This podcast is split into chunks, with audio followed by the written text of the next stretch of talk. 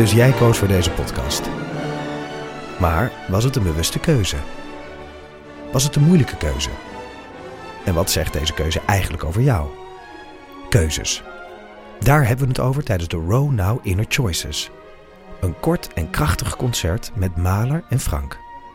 Een avond waarop experts je meenemen in drijfveren, twijfels en de gelijkenissen tussen keuzes in muziek en het echte leven. Kom 19 april naar het Residentieorkest in Den Haag. Een kaartje heb je al vanaf 20 euro. En terwijl ik val, zie ik die enorme kop van die beer boven me. In de wekelijkse podcast Echt Gebeurd worden al meer dan 10 jaar mooie, grappige, spannende en ontroerende verhalen verteld door de mensen die ze zelf hebben beleefd. Het regende bommen, dat wil zeggen, om de zoveel tijd ontplofte er een bus. Er zijn al meer dan 400 afleveringen van Echt Gebeurd verschenen. Dit is geen sjamaan, dit is een achterhoeker. Abonneer je nu op Echt Gebeurd in je favoriete podcast-app.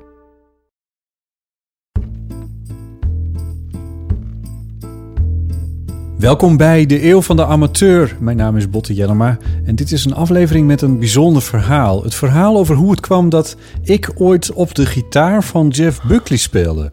En dat ik daar opnames van heb. Dit is het inmiddels overbekende Halleluja, geschreven door Leonard Cohen en feitelijk het meest bekend geworden in de versie van Jeff Buckley. Jeff is niet zo oud geworden, slechts 30 jaar. Hij is in 1997 overleden. En dat was afgelopen week precies 20 jaar geleden. Daarom vroeg Wendy Hendriksen, sidekick en redacteur bij de Roadshow op Radio 2, of ik in de uitzending van afgelopen maandag aan de telefoon wilde komen bij Jan-Willem Roodbeen. Goed, het is vandaag eh, 20 jaar geleden dat Jeff Buckley op 30-jarige leeftijd eh, overleed. Over dingen die pijn doen gesproken. Je kent hem in ieder geval natuurlijk sowieso van dit nummer. And it goes like this the fourth, the fifth, the minor fall and the major lift. The baffled zijn uitvoering van eh Halleluja. Zijn overlijden is tot op de dag van vandaag omgeven door mysteries. Botte Je- eh, Jellema maakte jaren geleden een radiodocumentaire. Eh, Botte, goedenavond. Goedenavond, Willem. Ja, eerst maar eens even over zijn dood. Er doen veel verschillende verhalen de ronde. We- weet jij hoe het zit? Wat is, het, wat is eigenlijk het meest Nou. voor de hand liggende verhaal? Nou ja, het officiële verhaal. Hè. Het officiële verhaal is dat het helemaal niet mysterieus is, maar dat hij is verdronken in een eh, zijtak van de Mississippi. Eh, daar ging hij vaker zwemmen en op deze bewuste avond ging hij daar ook zwemmen. En toen belandde hij in een hekgolf van een schip en toen is hij niet meer boven gekomen en pas een week later hebben ze hem gevonden. Dat is het officiële verhaal.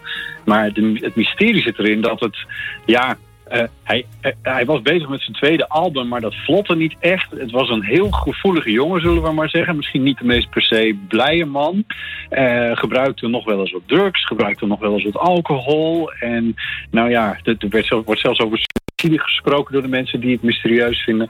En hij ging vaker zwemmen op die plek. Dus het is niet per se logisch dat je daar dan zomaar op een avond toch verdrinkt of zo. Ja, hij kende de gevaren, zou je zeggen.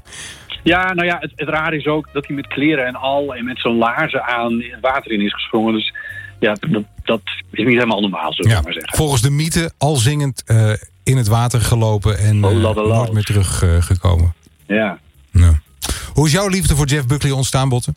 Ik kreeg eh, toen ik begin twintig was een cd'tje van eh, iemand die heel veel van muziek weet. En eh, die zei, deze moet je eens even gaan luisteren. En toen is langzaam, dat was Grace, het album van Jeff Buckley. Het enige wat hij bij leven heeft gemaakt. En dat album is langzaam maar zeker is dat op, mij gaan groeien. Hoe zeg je dat in goed Nederlands? Ik, ik begon eraan te wennen en, en begon het onwijs mooi te vinden. En zoals eigenlijk iedereen kreeg ik toen ook al snel een halleluja-verslaving. Eh, want eh, ja, dat is, is zo'n mooie uitvoering van dat nummer. Eh, en toen begon ik dat ook een beetje op gitaar te spelen. En ik raakte ook, niet in de laatste plaats, echt wel gefascineerd door zijn stem. Die, die prachtige tenor. Die, eh, nou ja, ik heb het zelf niet uitgerekend, maar iemand heeft gezegd het was vier octaven. Maar hij kan onwijs hoog zingen en dan ook nog steeds zuiver. En dat, ja, dat, dat is magisch. Echt zo mooi. En daar begon ik steeds meer waardering voor te krijgen. Hij is maar 30 geworden. Heb jij een verklaring waarom hij pas na zijn dood zo bekend is geworden? Of was hij al heel hard op weg? Ja, nou, in, in, naar mijn idee, eh, nee, hij was niet heel hard op weg, want het was echt wel een beetje een obscuur eh, album. Heel veel verkocht het niet toen het in 1994 uitkwam. Ehm, dat is eigenlijk pas een beetje begonnen na 1997, toen hij dus dood was. Maar mijn verklaring daarvoor is dat dat album, Grace, dat enige album dat hij heeft gemaakt, dat dat eigenlijk best een complex album is. Het is niet één muziekstijl of zo. Het, is, het, het, het heeft dat halleluja, wat heel sacraal is. En er staat zelfs nog een soort koraal op wat hij zingt. En aan de andere kant staan er nummers op die echt heel erg richting Nirvana gaan. We hebben het natuurlijk over de jaar, begin jaren negentig. Dus dat, dat klopt dan wel weer in die tijd. Dus een beetje die grunge sound zat er ook in. En, en, heel veel dingen ertussenin. En liedjes die niet per se een duidelijk couplet en een duidelijk refrein hebben. Dus het vraagt echt wel eventjes laten we zeggen, twee, drie keer doorluisteren voordat je dat album echt een beetje begrijpt. En ik denk dat dat de reden is dat hij bij eh, Leven niet zo enorm is doorgebroken. Wat is jouw favoriet als het gaat om Jeff Buckley nummers? Nou, um, van Grace is mijn favoriet in ieder geval Dream Brother. Omdat daar alles in zit uh, wat hij ongeveer kan. Het is echt een magisch nummer, vind ik heel erg mooi. Maar eigenlijk vind ik Everybody Here Wants You nog veel mooier. En dat is een beetje omdat dat uh, postuur is uitgekomen op een plaat die we ja, eigenlijk nooit in zijn geheel hebben gehoord. My Sweetheart the Drunk. Uh, en daar op, met Everybody Wants Here, of, uh, Everybody Here Wants You, kan je een beetje horen hoe Jeff misschien had geklonken mocht hij nog hebben geleefd later. Dus dat nummer.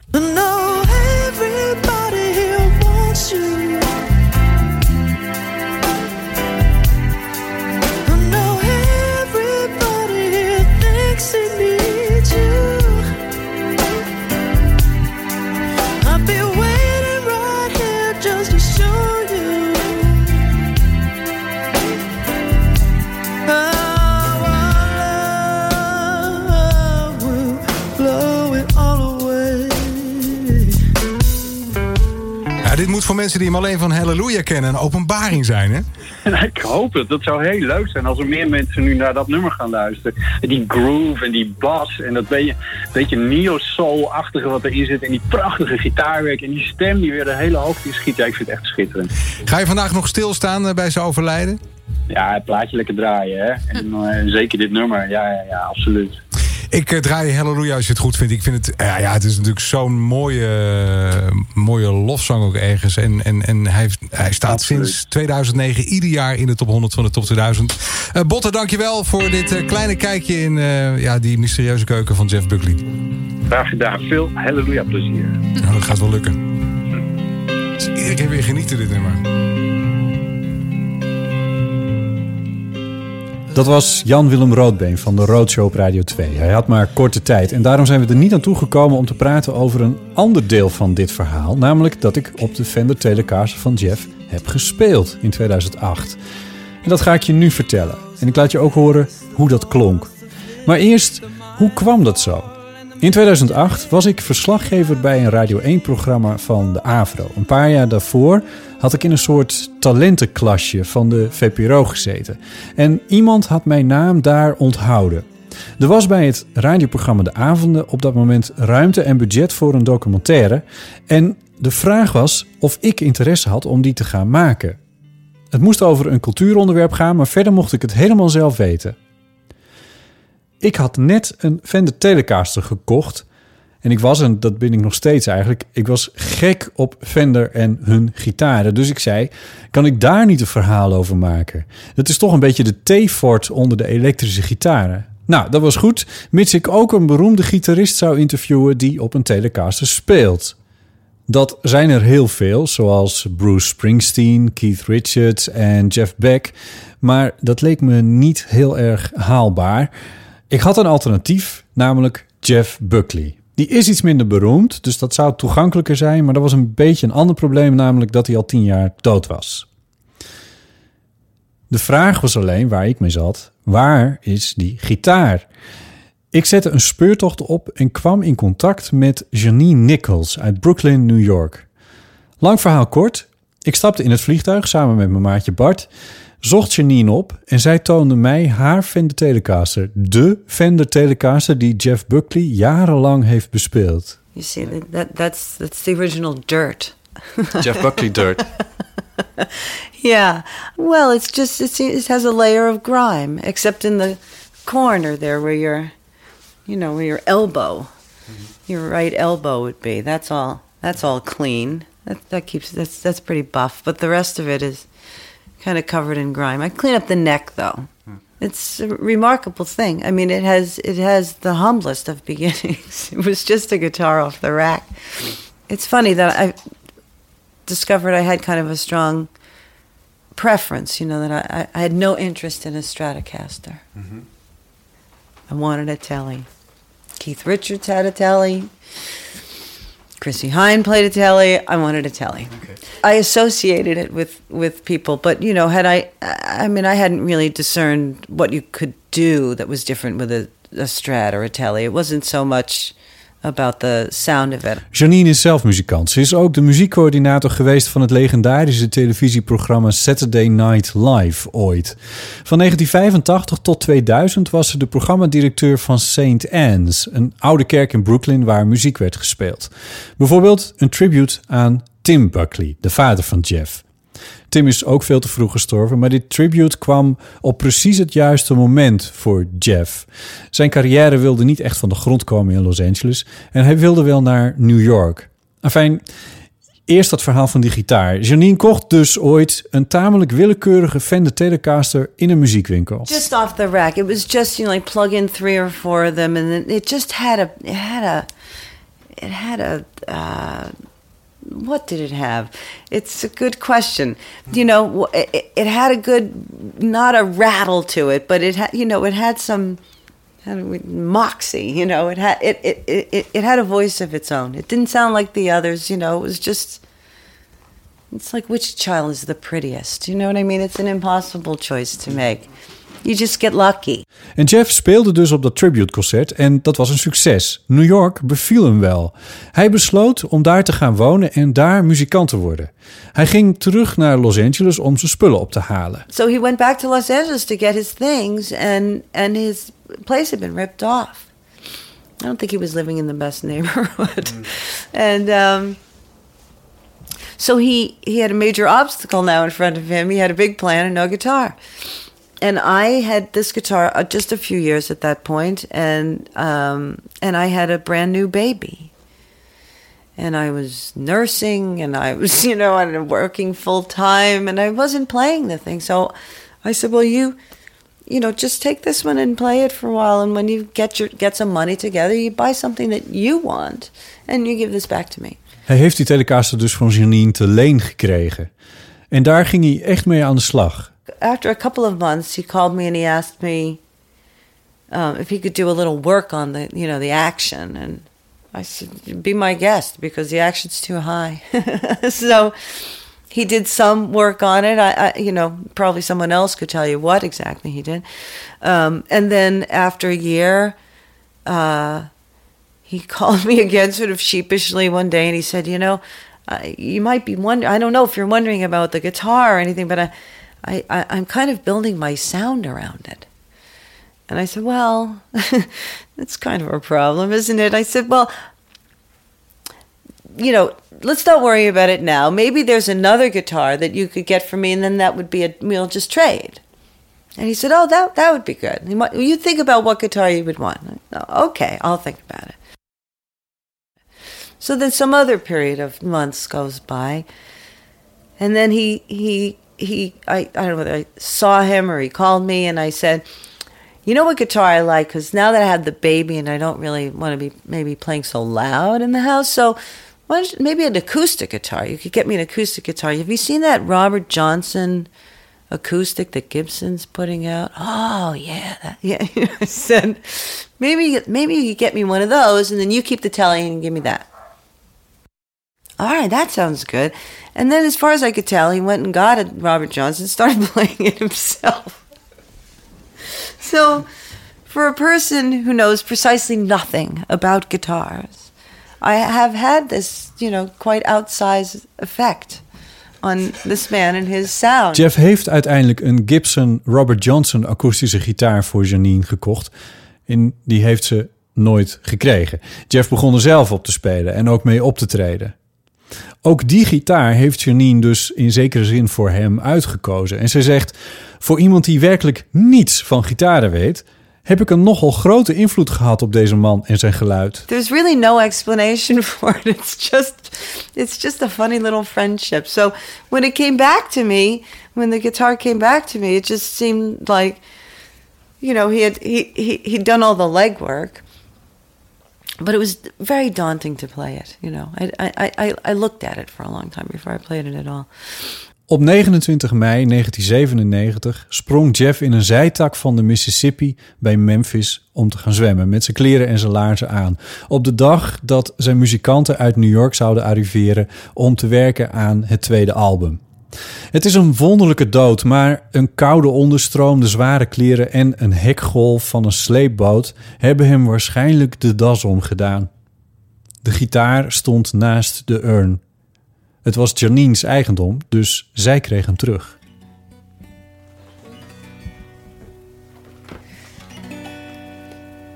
So now perhaps we should switch and Yeah. you play the guitar and I'll hold the, the microphone. Does that sound good? This is the one. Uiteraard had ik mij voorbereid op dat moment.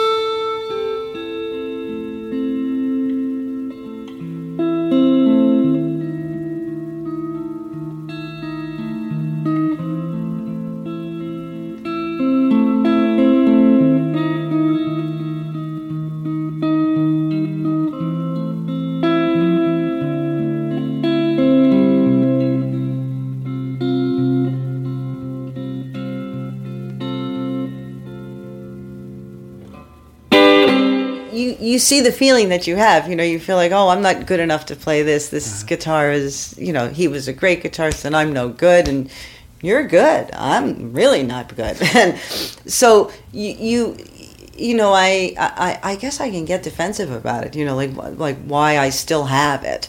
You know, like it somehow belongs to the world more than it belongs to me, but.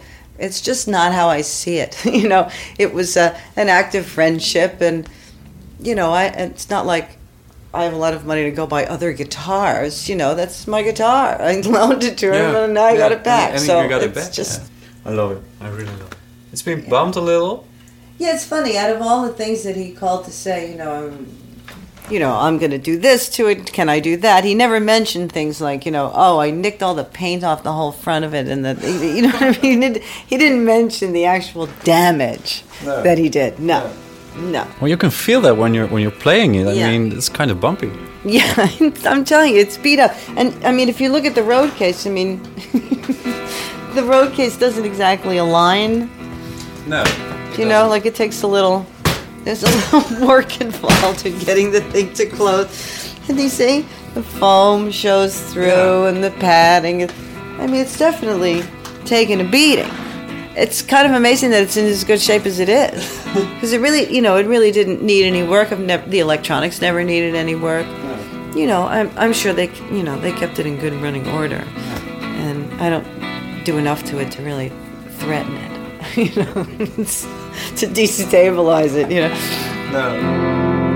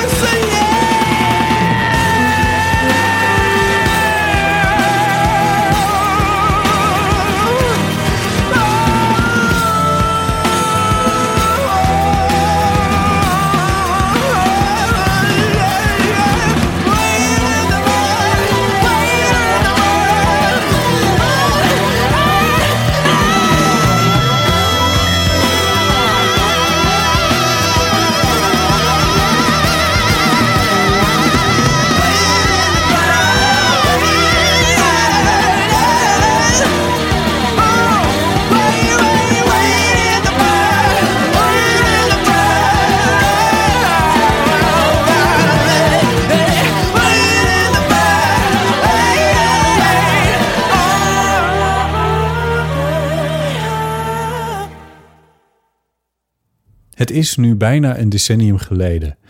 Maar nog steeds voel ik vlinders in mijn buik als ik me realiseer dat ik dit rock'n'roll reliquie in mijn handen heb gehad. Dit is hoe dicht je bij Jeff kan komen, denk ik. It must. Where else would it reside? You know, I think it. I think it must. I, you know, I think to the extent that a person can, you know, inhabit an instrument, I think he probably does. Most, so many guitarists that I know have so many instruments, and um, but you mean he didn't have any money. He was just, you know, living from hand to mouth. So he didn't have the option to find to have a guitar for every occasion. He had to find, you know, represent the occasion in the guitar that he had. So I think he he really worked this instrument a lot, and um, uh, no doubt, you know, had he were he alive today, he'd have a forest of guitars in his house, I'm sure. But at the time, he just had a couple you know, I, I- suppose he did. You know, like do you think a violin that you know has been in existence for you know four hundred years carries all the people who played it before? I think it probably does. You know, they just it's it's funny how things warm to you, how instruments you know mold to your body and and you to them, and you know even like this new amplifier that I have. You know, when you first get it, it's like the tubes, you know, they got to warm up. They got to acclimate. The temperature changes, you know, and you can hear it. So I'm sure it does. I'm, you know, I, I hope it does. I regard it that way. You know, it's it's it's a it's a nice uh, reminder of a really you know wonderful, important friendship. He's a really delightful person.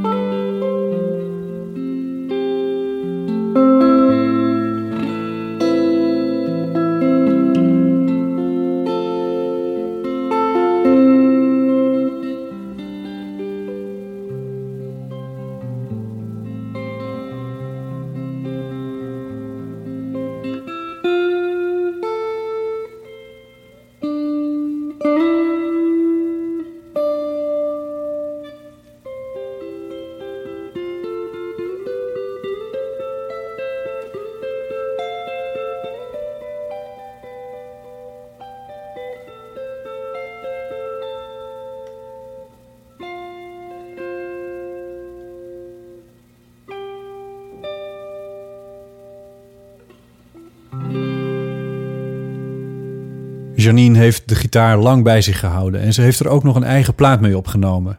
Maar toen kikte de crisis erin en de gitaar kwam te koop. Ik mailde haar over en ze schreef terug: Yes, the teller sold to an Englishman. It was all right with me. I needed the money and I know Jeff is happy to help me just as I helped him. I just put out a record that will be up for sale worldwide on CD Baby sometime next week. I hope you'll give it some airplay if you're still on the radio. It's really good. Nick Cave compared it to Van Morrison's Feed and Fleas, and you can't ask for much more of an endorsement than that. Het is niet bekend van wie de gitaar nu is, maar er zijn enkele tienduizenden dollars voor betaald. Voor mij betekende dit avontuur drie dingen. Het werd het begin van mijn carrière als documentairemaker. Het werd het begin van het werken bij De Avonden, wat ik uiteindelijk ook nog vijf jaar heb gepresenteerd. En het is een goed verhaal dat ik nog altijd graag vertel. Het album van Janine Nichols heet First Ones en is te koop in iTunes en te vinden op Spotify. Dit, tenslotte, is het openingsnummer Sigh of Relief met de Telecaster. Breathe a sigh of relief when there proves no cause for grief. When the tree returns to leaf, when the ship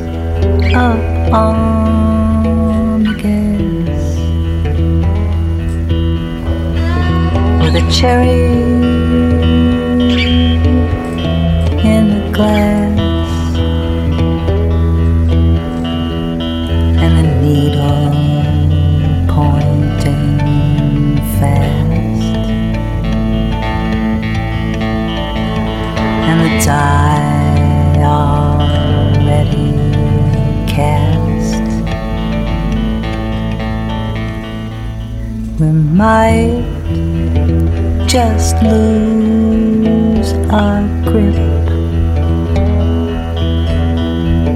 when there is no job to quit.